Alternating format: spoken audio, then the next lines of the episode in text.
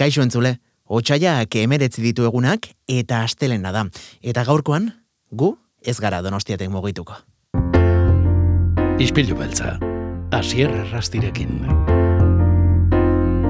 Egunero egunero gure irian gertatzen dena biltzen eta ondoren bildutako hori gure etxeraino helarazten aritzen dira gure gaurko bigonbidatuak.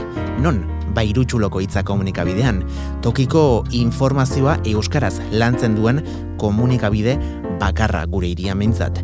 Eta kasunetan bigonbidatu horietako batekin hasiko gara, bera irutxuloko hitzako zuzendaria da. Eta gurean da, telefonaren beste aldean. Beñat parra, ongiet horri gure izpilura. Eixo, bai, zemuz. Oso ondo, eta zuzer monduz, Beñat, espaldiko. Nautiko martxan hemen, tope lanian, da, bakizu, baina ondo ondo. Erredakzioan tope zabiltzate, ez da, astelenetik ostiralera, eta, Bai. eta egia esan, bueno, ba, pasaden larun bat honetan, emeretzi urte bete dituzu, ez, zorionak. Eskerrik asko, eskerrik asko, eh. Urte, urte asko dira, irutxuloko hitza donostian dugula, eta, bueno, mm, ez dakit zuku kontatuko diguzu, baina sekulako, bueno, ba, ibilbide luze, oparo, eta aldakorra izan du, ezta? Azkenean, azken emeretzi urte hauetan, gizartea eta komunikabideen errealitatea asko aldatu delako, eta zuek ere, ba, e, bueno, ba, garai berrietara egokitu behar izan zaretelako. Ba- Bai, hori da, e, azkenean e, e, gure Davida sortu zen 2005 bostean, ez, e, zen lekukoa e, ora horrik, e, bai, bai, bai, bai, ondo nostin, e, be- beste be- Davida tirutxulo aztekaria zena, eta 2005 bostean, bueno, e, hori mantzian aldaketa batzuk, eta hon, ja, ja, ja izan zen irutxuloko itza e, gintzan, ez. E, Asia baten egunkari bezala, bueno, gero, bueno, etorri izan krisia, e, bueno, gora bera hainbat, ez, eta, eta, bueno, taldera honi aldaketak, bueno, e, bai bere momentuan iz- izan zen e, tipo egunkari formatuan atatezan, ge pasazan e, e, egunkari egun bezala e, azta minateratzera, e, eta bueno, horrela junga pixkat e, denborare joan ala gauzak aldatzen, ez? E, eta bueno, ba, gaur egun, Ba, bueno, donostia iria bera asolatu da, gizarta bera asolatu da, eta gozun bezala e, unkure da bideak ere asolatu dira, e, lan egiteko modua eta guzti, eta bueno, ba hortan, e, gatu gabe eta donostien berri ematen, e, ungu, ungu, ungu beti egunerokoan. em, kasu honetan, bueno, irutxuloko hitza astero egunero. Aurkitu genezake irutxulo.eu satarian, hor digitalizazio prozesu, bueno, ba, sakon bat egin duzuelako azken urteetan, eta eta bueno, zuen plater indartsua ostiraletan iristen da, ez da aldizkaria paperezkoa, e, askok eta askok etxean jasotzen duguna, eta, bueno, ba, ziur batek baino gehiagok, ez, e, pentsatuko duela, momentu honetan, jo, eta zergatik, ez, e, mantentzen duten oraindik e, hauek e, ba, euren e, paperezko bertsioa, izan dira, bueno, aldizkari batzuk, e, erabat digitalera e, pasatu direnak, zuek, ez dakiz ze momentutan aurkitzen zareten, paperekoa mantentzearen aldekoak zarete, e, bueno, mm, epe hurbil baten uste duzue hau amaitu egingo dela eta dena sarera igaroko dela, Nol- nola bizi duzute guzti hau? Ez, gu momentuz, bai, bai, paperaren bastante aldekoak, ez, e, bai igual egunkari formatua ja bere garen ikusi zen, ba, e, ez zela, bueno, bidea garria, edo, edo pixata gortu da zegoela gure kasuan, beste da bide batzuek e, egite dute eta, eta, bueno, e, earki, baina guretzako hori, e, ba- bai, bai online egiten dugu egunkari bat, bat izango gaina bezala, baina gero hori duzun bezala, astean behin, astekari ateratzen du paperean, Eta azkenean bada gure seina referentea, ez? Nola baita hor dago, bueno, zakit, gure duki lan duena hor dago, gero dijoa guztia baita online egunean bertan, lan bertan publikatzen da, eta sareetan, eta bar, baina azkenean gure produktu referenteena aztekaria da, eta gu pozik gaude aztekariarekin. E, momentu zentzat hor jarretuko dugu, ez dago horrek ikusita aldekarietarik.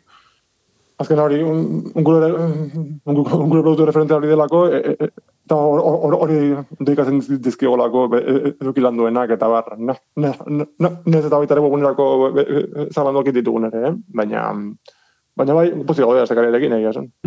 bai, eta nik pertsonalkita beste, ba, egundaka herritarrek ere gustora jasatzen dugu, eh? gure, gure postontzian ostiralero aldizkaria, eta eta bueno, ala ere, eh? Hemendik gure entzule egon bidatuko diego zuen gubunean sartzea, baita zuen sare sozialetan ere, bertan, mm, ba, beste mediorik, eh, beste mm, plataforma web horri alde, edo dena delako, e, bueno, ba, edo zein zerbitzutan ez dutelako aurkituko, zuek egiten duzuen lana, donostiaren inguruan, e, bueno, ba, ertz eta ikuspegi askotatik e, begiratzen dizkiozue hemen irian bai. bizi ditugun gaiei, euskera hutxean, eta, eta, bueno, mm, lehenik eta behin, jakin, bueno, ba, zuen e, aldizkaria, ez? E, jasotzeko arbidetza baten bidez, e, bueno, ba, jaso genezake da, baita gipuzkoako hitzarekin batera, ostiralero, ostiralero, eta bestera, ba, erabatu hainik zuen web horri aldean. E, Bainat, mm, orain, utzi egingo zaitugu Andrea Boskekin dugulako itzordua, bai. eta berak hain zuzen, pasaden ostiralean, argitaratu zenuten aldizkari hortako erreportein nagusiaz e, solastuko bai dugulako, beraz, bainat, e, laizter arte, animo gainean duzuenarekin, e, badakigulako lan mordua egiten duzuela, eta mi eskerriz pilu beltzara gerturatzagatik. Zui, mi esker, asier, eta placer bat, eta gizunen gauden ez zertako. Mi esker bainat, muixu bat, aste hona izan, agor. Aio. Ispilu beltza, Donostiako kulturaren isla.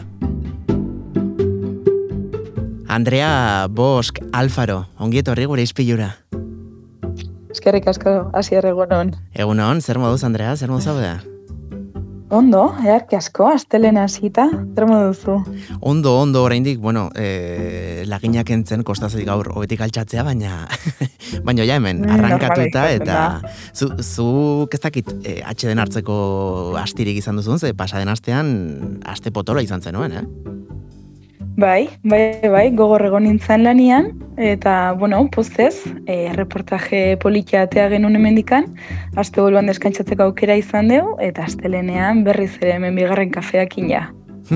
Aipatu dugun moduan, ostiralero, kaleratzen duzue irutxuloko hitzaren edizio berri bat, eta kasu honetan, bueno, ba, pasaden astekoa, gaurko egunarekin, ba, bueno, zer ikusi zuzena duenak, e, zure edo zuk landutako gai nagusia zuen, zuk landutako erreportaia, eta in zuzen horregatik zaude gaur gurean. Konta igozu, zertan, zertan aritu zinen, pasaden astean? Bai, noski hasier, ba, bitu gaur, otxearen emeretzian, e, e, e, margarren urteko data honetan, bertan, e, Justin Fashanun jok, futbol jokalariak, ele, ingalaterrakoak, e, berak homoseksuala zela esan zuen, mhm. eta jasandako jazarpenagatik urtetara bere buruaz beste egin zuen. Orduan geroztik, gaurko egun honetan, e, kirol esparruan LGBTI fobiaren aurkeko nazioarteko eguna ospatzen da. Horregatik, e, idatzi dutun deten erreportajea, horri buruzkoa da, kirola eta LGBTI kolektiboen asketa, bizimodua, bizipenak, eta nola remantzen diran LGBTI kolektiboko kideak kirolean eta kirola berak ze espazio duen kolektiboaren zat. Azkenean, bueno, ba, LGTB kolektiboko jendeak bueno, ba, esparru askotan, ez da, e, gainontzeko bezala e, egin behar dute lana, e, egiten dute euren aizia, eta eta kasu honetan, ba noski zailtasunak ere bizi dituzte eta zailtasun horietako bat, ez? E, kirolaren esparruazuk ageria gaian utzi duzu. Erreportai honetan gainera, bueno, mm, ba, afera guzti hau lau gonbidatu berezirekin, ez da? E, bueno, kontatu diguzu euren ahotik. Bai, hori da. Bueno, badakigunez, eh LGBT kolektiboak amarkadak eta denborasko e, daramate lanian borrokan, ez, eta giza eskubien defentsan, eta kirol ere ere, pues, beste ere bezala, hortarako espazioa da. Orduan, LGBTI kolektiboko kiden borrokari esker, espazio seguruak lortu izan dira, espazioak bihurtuak, eta persona zentzako, badakigulako LGBTI kolektiboen sigla eta izki guztiek ez, dire, ez dutela berdin bizitzen egoera, baino batzuek bai lortu dute espazio seguro bezala bizitzea haien kirol esparruak. E, baino beste batzuek ez. Beste batzuk zailtasunak eta oztopoak dituzte. Orduan nik aukeratu ditut edo aukera izan dut ezagutzeko laukirolarien bizipena eta e, elkarrizketa egin diet e, Donostiarraun lagunakeko Andrea Estudillori dala patroia.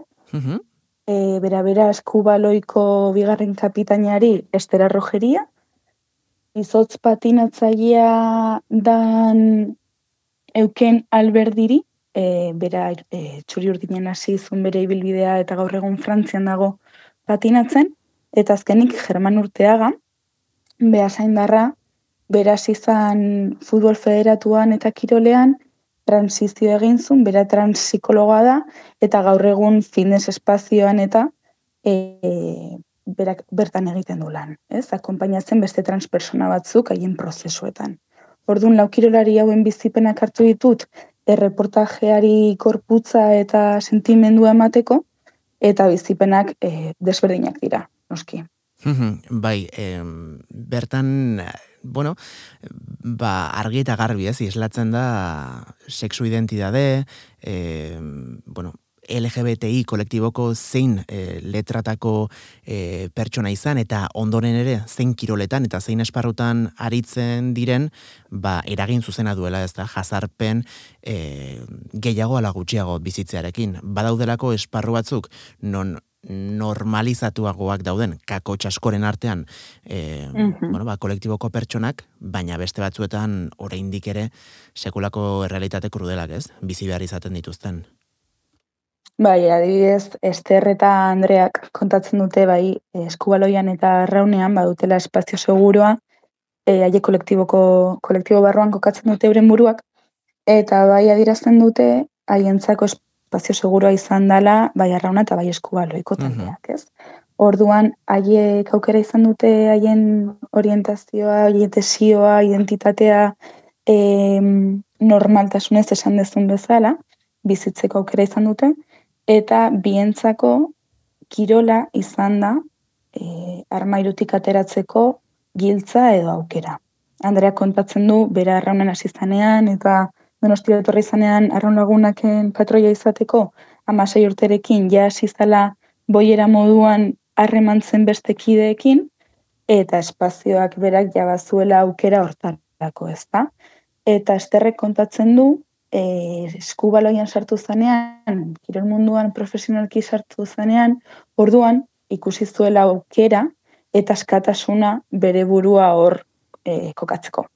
Ordur arte zuela euki horren gertu kolektiboa eta gertu izategatik azkenean begira da, ez? Baldu egiten du horrek eta bertan ikusi zuela aukera. Jo, ironikoa da, ez, Andrea, nola batzuentzat, eh, bueno, sekulako sufrimendua, e, sortzen duen esparrua den kirolarena eta beste batzuentzat iaia, bueno, baskatasunerako e, giltza edo ate hori zabaldu diena. Ba, hor poloak ikusten dira, ez? Batzuntzako aukera bada, kirol esparrua, eta bestentzako tabua. Edo problema, edo oztopoa bihurtzen da kirola. E, san bezala, Estereta Andrearen kasuak, boiera eta lesbiana eta bezalako katzen dute euren buruak, eta mm, horre oso sentitzen dira, baina bestaldetik oso oso oso zaila egin zaita aurkitzea publikoki e, kirol profesionalean aritzen diran gizon ziz marika edo bisexualak, ez? Mhm. Eta bestaldetik trans e, esparruan ere, Germanek oso ondo azaltzen duen bezala reportajean oso oso zaila da e, kirol munduan taldekako kirol munduan horre oso egotea, ez? Atazkenean persona transek aurkitzen dute espazio seguruagoa bakarkako kiroletan, adibidez. Hori kasu batzuetan, ez ez generalizatu nahi eta hitz egin nahi beti ere haien hitzetatik, ez da? Orduan, bueno, ez da kasualidadea, e, lesbianek edo emakumeek, emakume asteriskorekin, ez? Emakume gorputz guztiek, e, eroso sentitzen direla haien espazioetan, baino gizonek marika o bisexual moduan ez dutela espazio segururik aurkitzen ezak osalidadea. Eta mm, beraz, gaia bera bada mardula, lantzeko, e, badauzka ertz asko, baina gainera, claro, e, gonbidatuak edo elkarrezketatuak lotzerako garaian aipatu duzu hor izan duzula, bueno, ba, gurea iritsekia da, donostia, baina baina baina oraindik ere, eh, 2024 garren urtean e, zuk aipatu duzun bi poloiek, ez da, bi, bi ertzoiek e, oraindik oso nabarmen dira. E, ba, badaudela, existitzen direla, eta naiz eta, bueno, ba, esango nuken edo usartuko nizateken esatera e, generazio berriek bestera batera bizi duten e, bueno, guzti hau oraindik ere lan nabarmena dago egiteke ez Andrea Bai, hasier, eh, zuzen ere, eh, nik usteet, bueno, eh, irakurrietenagatik, eh, egin dituen elkarrizketengatik eta barrekoak argi dago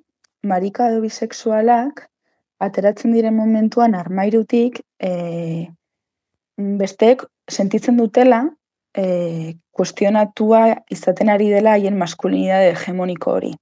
Ezta? Bai. Eh, hortaz, gizonek zeltasun gehiago dituz emakumek baino esateko, e, bueno, adierazteko, edo lasitasunez bizitzeko publikoan, kirol esparruan, haien desio eta orientazioa.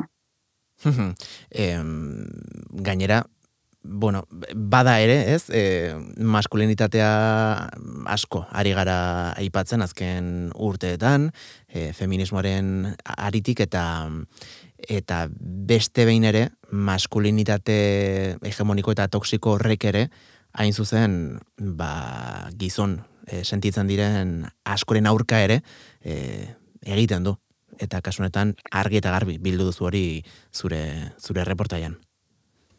Bai, noski, azkenian kalte egiten dio edozten ez, maskulinidade hegemoniko horrek ematen du.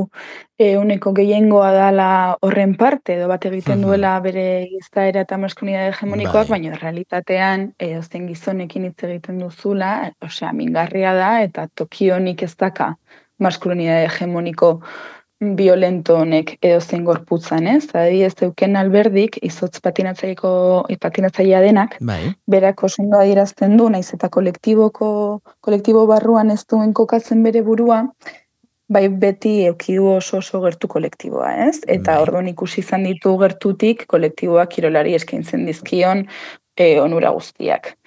Orduan, berak bai azaltzen du, e, txikitatik, esan izan dio, bueno, nera bezaroan gehiago, esaten ziotela, ez, bueno, ba, izotz patinatzaile izateatik, e, beraia marikaztela. Mhm. Orduan, askok, kolektibokoa izan edo ez, ez dute nahi publikoki inork kritikatzea bere orientazioa, ez sexualitate, ez bere e, pribatua izan leiken edo zerrez.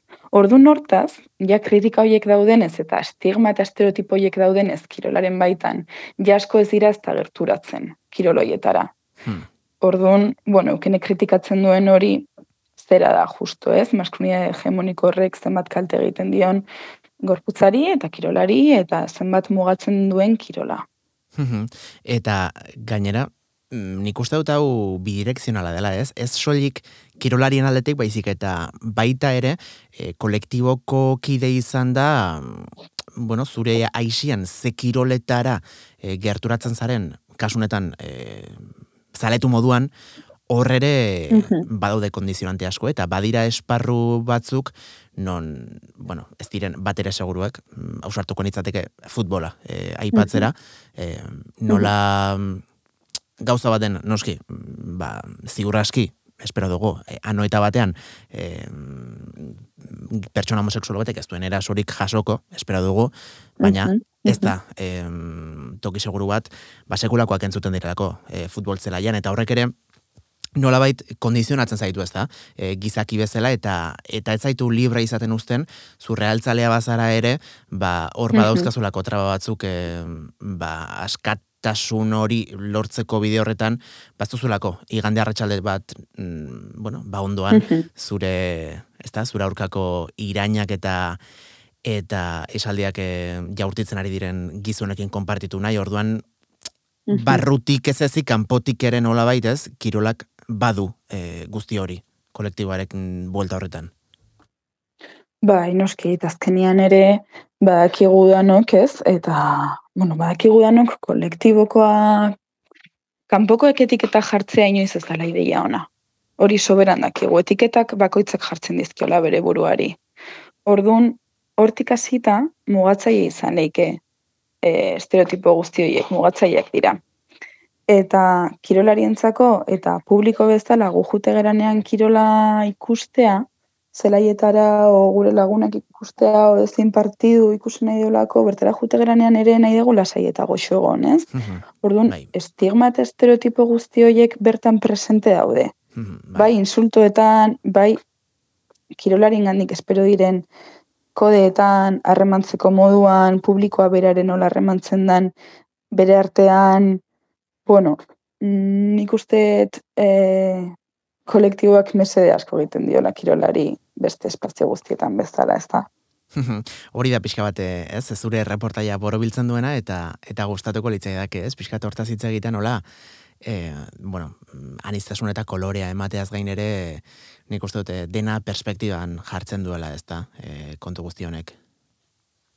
Bai, nik uste dut, e, nik azetari moduan eta boiera moduan ere, nik bizipenetik eta nire gorputzetik jasoet kolektiboak eta mugimendu politikoak neri eman dizkien, mitizkian aukera guztiak. Mhm. eta nik kolektiboko parte izat naizenetik eta kolektiboko bestekidekin harremandu naizenetik ni haiekin eta nire gorputzarekin harremantzeko modua desberdina da eta nik aukeratu et ze modutan harremandu nahieten nire buruarekin, ez da? Orduan nik usteet kolektiboak ere eskaintzen diola kirolari espazio hori, nun kirolari bakoitzak aukera duen harremantzeko benetan nahi duen moduan bere burua eta bestekideekin, kolektiboak ere aurkezten ditu kategoriak aldatzeko aukera, ez? Izan ere kiroletan, txapelketetan eta kategoriak generotan e, dira, eta badaude beste selkatzeko modu batzuk eta aukera batzuk, ez da? Orduan kolektiboak berak, e, bueno, egiten du hor proposamena, ez? Me gainean jartzen du. Eta, bueno, ez derresanik ez errespetu kontuarekin, ez? Nik uste LGTI kolektibo, kolektiboa, kolektibokoa den inork ez duela kritikatzen ez epaitzen beste gorputzik, ez beste orientazio desiorik, hortaz nik usteet kolektiboak berak ematen diola espazioari kirol esparruan kolektibokoa ez zen beste norbaitentzat ere espazio segurua dena. Hau da, eh, kolektiboko kide batentzat espazio seguru hori sortzean aldi berean ere, gainontzeko guztientzako ere, espazio seguru hori sortzen da, eh, naiz eta kolektibotik ategon askotan, eta zoritxarrez, oraindik ere kirolaren mundua ez delako eh, espazio seguru bat pertsona asko eta askorentzat eta eta benetan, eh, gaur, bueno, ba, egun borobila daukago, txaiaren emeretzia delako, hain zuzen Kirol Esparruko LGBTI fobiaren aurkako nazioarteko eguna, eta egun hau aprobetsatuta. Eta Andrea Boskek egin duen lan zoragarria, e, bueno, ba, orain, behintzat, e, sarean eskuragarri dugula, ba, hemendik gonbidatuko diegu, ez da, e, Andrea, gurentzulei, sartzea irutxuloren web horri aldean, irutxulo.eu zen, eta bertan izango dute, ez da, zure erreportaia irakur gai duainek? Bai, hori da, ostiraletik dago webunean irakurgai gure erreportaje hau, eta nik uste oso importantea dela, oso gutxitze egiten dalako honen inguruan, donostin gure irian ekimen oso gutxi antolatzen dira, ekitaldi oso gutxi, txapelketa oso gutxi antolatzen dira e, gure LGTI kolektiboaren baitan, eta gure gure kirolariekin eta, ez, gure perspektibatik oso gauza gutxi antolatzen dira. Orduan ikusteet oso importantea dela mm, gai hau gainean jartzea, gure artean gure lagunekin gure etxetan eta konpartitzea gaia, bega jendeak ere nola ikusten duen eta bueno, eh mendik ere eskaera zuzena egin instituzioei eta bestelako elkarte, federazio eta klubei gaia mesedez lantzeko, ez? Formakuntza oso beharrezkoa da, eskoletara ere gai eraman behar da, orduan ikusteet gaia sozializatu egin behar dela. Orduan, bueno, reportajeak hortarako aukera ematen badu, nik lana orduan eherki asko egin dut. dudari gabe ematen duela, eta, eta bueno, nik uste dute iristen den etxe bako itzera, erreportai honek eh, asko emango diola donostiari, asko emango diola eh, afera gordin honi, eta espero dugu, ba, aizu, hemendik eh, denbora alik eta eh, laburrenean, ba, bueltan izatea izpilu beltzako mikrofonoetan, kontatzeko nola aldatu den eh, egoera guztiok, behintzat, ba, gure irian donostian. Andrea Bosk Alfaro, eskerrik asko, gure gana gerturatzeagatik plazer gutxa, eh? zurekin izan dako sola saldia. Asier, berdin, plazterra benetan. Benetan plazterra izan dela, eskerrik asko zuri aukera hau emategatik, eta laizter arte. Zuri egiten duzun lagatik. eskerrik asko, Andrea, muixu bat. Zuri, Asier, agur. Agur.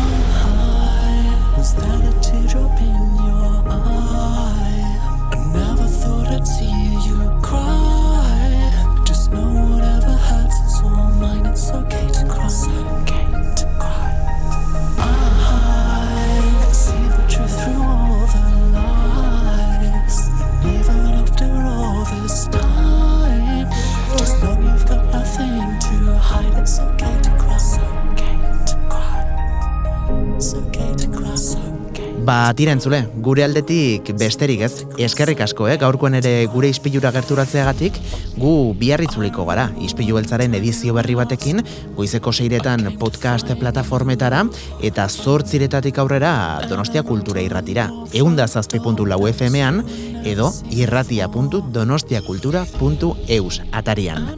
Bien bitartean, astelen ona izan, eta txintxo ibili. Agur! And if I had just one single wish, wish I could have said this. It's okay to cry. Was that a teardrop in your eye? I never thought I'd see you cry.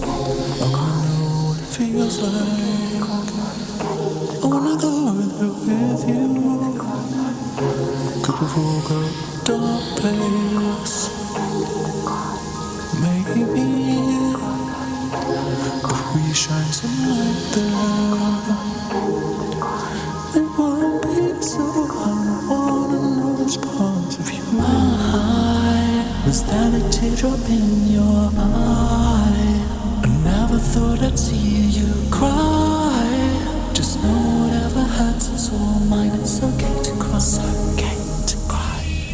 I can see the truth through all the lies. Even after all this time, whatever it is, just know it's all